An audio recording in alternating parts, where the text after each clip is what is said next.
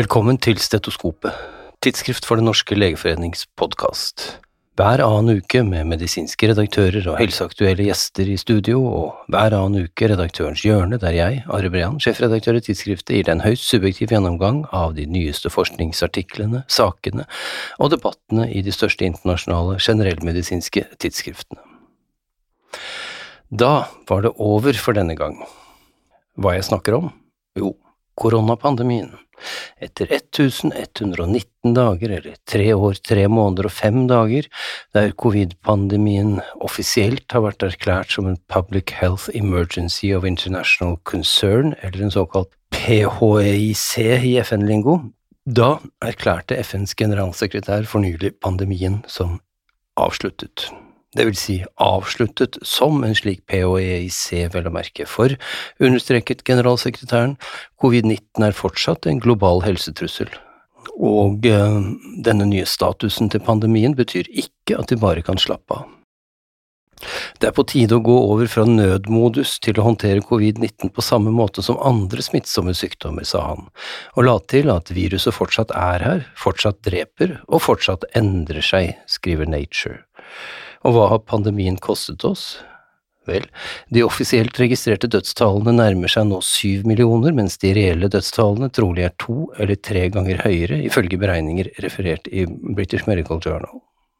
Og som et apropos til at viruset fortsatt er her, melder også WHO at virusvarianten XBB116 nå er definert som en ny variant av interesse, som det kalles når en ny variant er verdt å følge ekstra med på.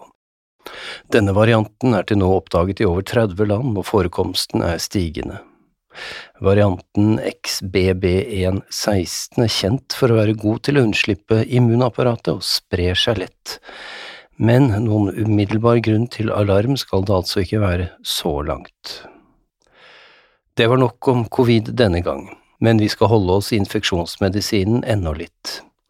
For nye vaksiner mot RSV-virus er nå under utprøvning. Dette skriver British Medical Journal om denne uken. Bronkiolitt av RSV-virus er den vanligste nedre luftveisinfeksjon hos små barn. Rundt 2 prosent av dem trenger sykehusinnleggelse, hvorav mange trenger intensivbehandling, og anslagsvis 3,6% av alle dødsfall på verdensbasis blant barn opp til seks måneders alder skyldes RSV og de fleste i lav- og mellominntektsland.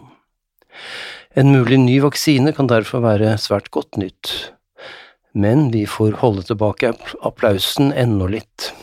Men aller først, hvorfor er det så vanskelig å utvikle en vaksine for RSV-virus? Jo, først og fremst på grunn av aldersgruppen som er i høyest risiko, nemlig de aller, aller minste. Når insidensen er høyest i babyer rundt to måneders alder, sier det seg selv at en vaksine ikke er lett å verken utvikle eller utprøve. I prinsippet kan man forsøke ett av tre ting, enten gi passivt monoklonale antistoffer til babyene, eller vaksinere mødrene, eller vaksinere babyene direkte. I noen land er allerede et monoklonalt anti-F-antistoff godkjent til slikt bruk. Problemet er at dette må gis intramuskulært månedlig, og at det er svært dyrt. Begge deler er for store barrierer mot utbredt bruk, særlig i fattige land. Eh, Pfizer har utviklet derimot en vaksine som kan gis til mor. De første interimanalyser av fase 3-studiene på denne viser en effektivitet på noe over 80% Det er jo lovende. Men problemet her er at en lignende vaksine, utviklet av GSK, har gitt økt forekomst av prematur fødsel i tidligere studier. Det er ennå for tidlig å si om dette også gjelder Pfizers vaksine. Og den tredje muligheten, nemlig barnevaksiner, ja, det finnes faktisk to barnevaksiner som er under utprøving, men ingen har kommet lenger enn til fase to-studier, og ingen studier gjøres foreløpig på barn under seks måneders alder. Så vi får nok vente ennå litt. Mer vaksinenytt. Pankraskancer er en av våre mest dødelige kreftformer, med en dødelighet på nærmere 90% Hva om man kunne vaksinere eh, når noen får denne fryktede kreftformen? En fase 1-studie publisert i tidsskriftet Nature for bare noen dager siden har vakt mye oppmerksomhet. Vaksinen gis adjuvant og er en autogen neoantigenvaksine basert på mRNA-nanopartikler som syntetiseres fra klinisk resekserte svulster. Etter operasjonen fikk pasientene i studien anti-PDL1-immunterapi, de fikk også denne autogene neoantigenvaksinen og en modifisert versjon av et kjemoterapiregime med fire legemidler. Endepunktene var forekomsten av vaksineinduserte neoantigenspesifikke T-celler samt 18 måneders residivfri overlevelse. Studien var liten, bare 16 pasienter. Halvparten av dem fikk immunrespons, og alle disse nådde 18 måneders residivfri overlevelse. Resultatene er karakterisert som ekstremt lovende, av andre enn forskerne selv, vel å merke. Men vel å merke er det også at dette selvsagt bare er en fase 1-studie, og antallet lovende fase 1-studier som aldri har blitt noe annet enn nettopp det, er som kjent enormt gjennom historien. Vi krysser likevel fingrene for akkurat denne. Og vi gir oss ikke helt med immunsystemet ennå. Peanøttallergi snakket vi om i forrige redaktørens hjørne også. Den gang gjaldt det tidlig sensitivisering. Nå gjelder det immunterapi i form av et peanøttplaster, som jo også er en form for sensitivisering, selvsagt. Denne studien er publisert i New England Journal of Medicine og er en fase tre, multisenter, dobbeltblind, randomisert, placebokontrollert studie på barn i alderen ett til tre år med peanøttallergi. Allergien deres ble for øvrig bekreftet eh, gjennom en dobbeltblind placebokontrollert peanøtteksposisjon, og pasienter som slik hadde en verifisert allergi, ble gitt enten epikutan immunterapi i form av et peanøttplaster eller tilsvarende placebo daglig i tolv måneder. 360 pasienter ble inkludert. To tredjedeler av intervensjonsbarna og en tredjedel av placebobarna hadde signifikant bedring av allergireaksjoner etter tolv måneder. Og 7,8% av intervensjonsbarna fikk anafylaksi i perioden, mot 3,4% av placebobarna. Konklusjonen er at epikutan immunterapi i form av peanøttplaster kan redusere peanøttallergi.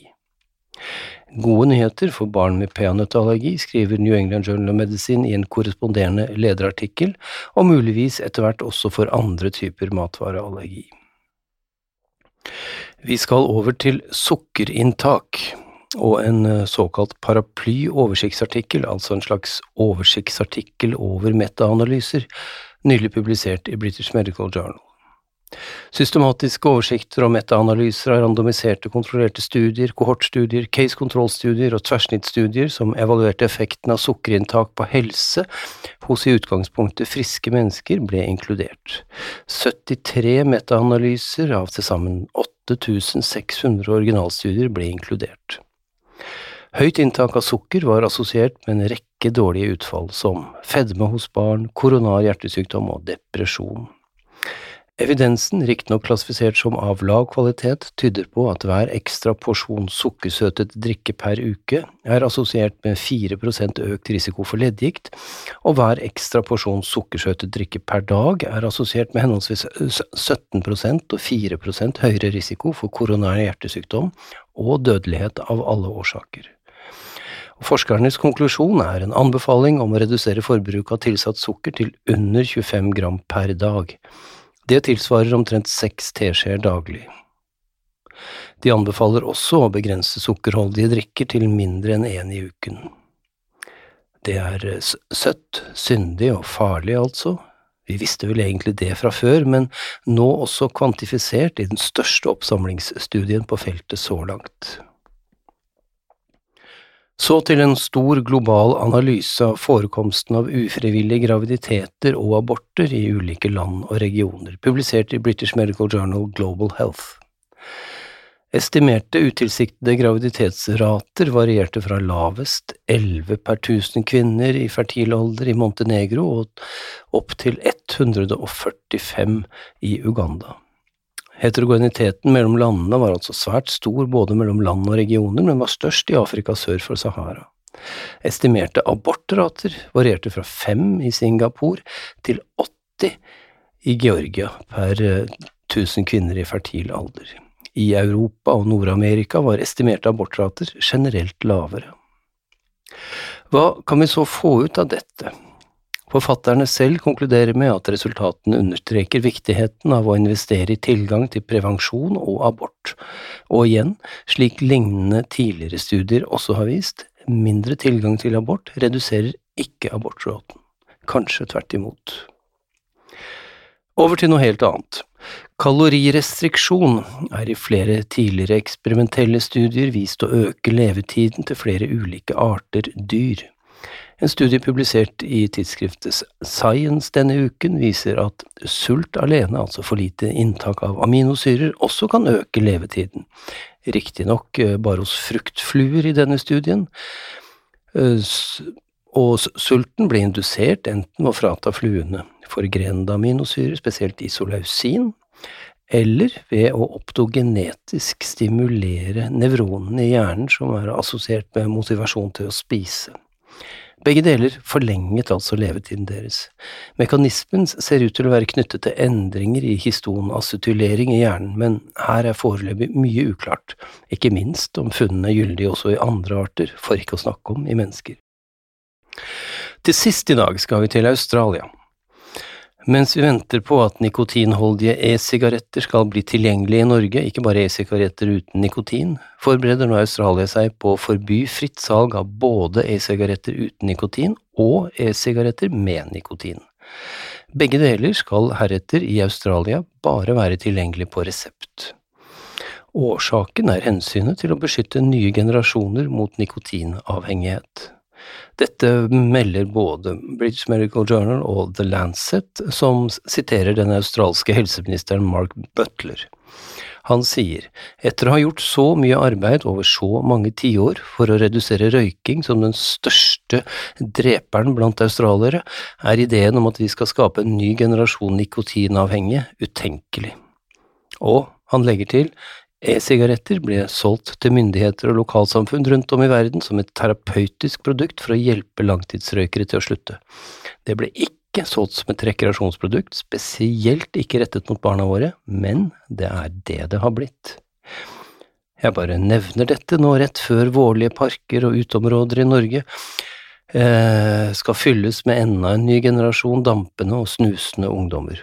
Norske politikere bør se til Australia. Vi høres neste gang.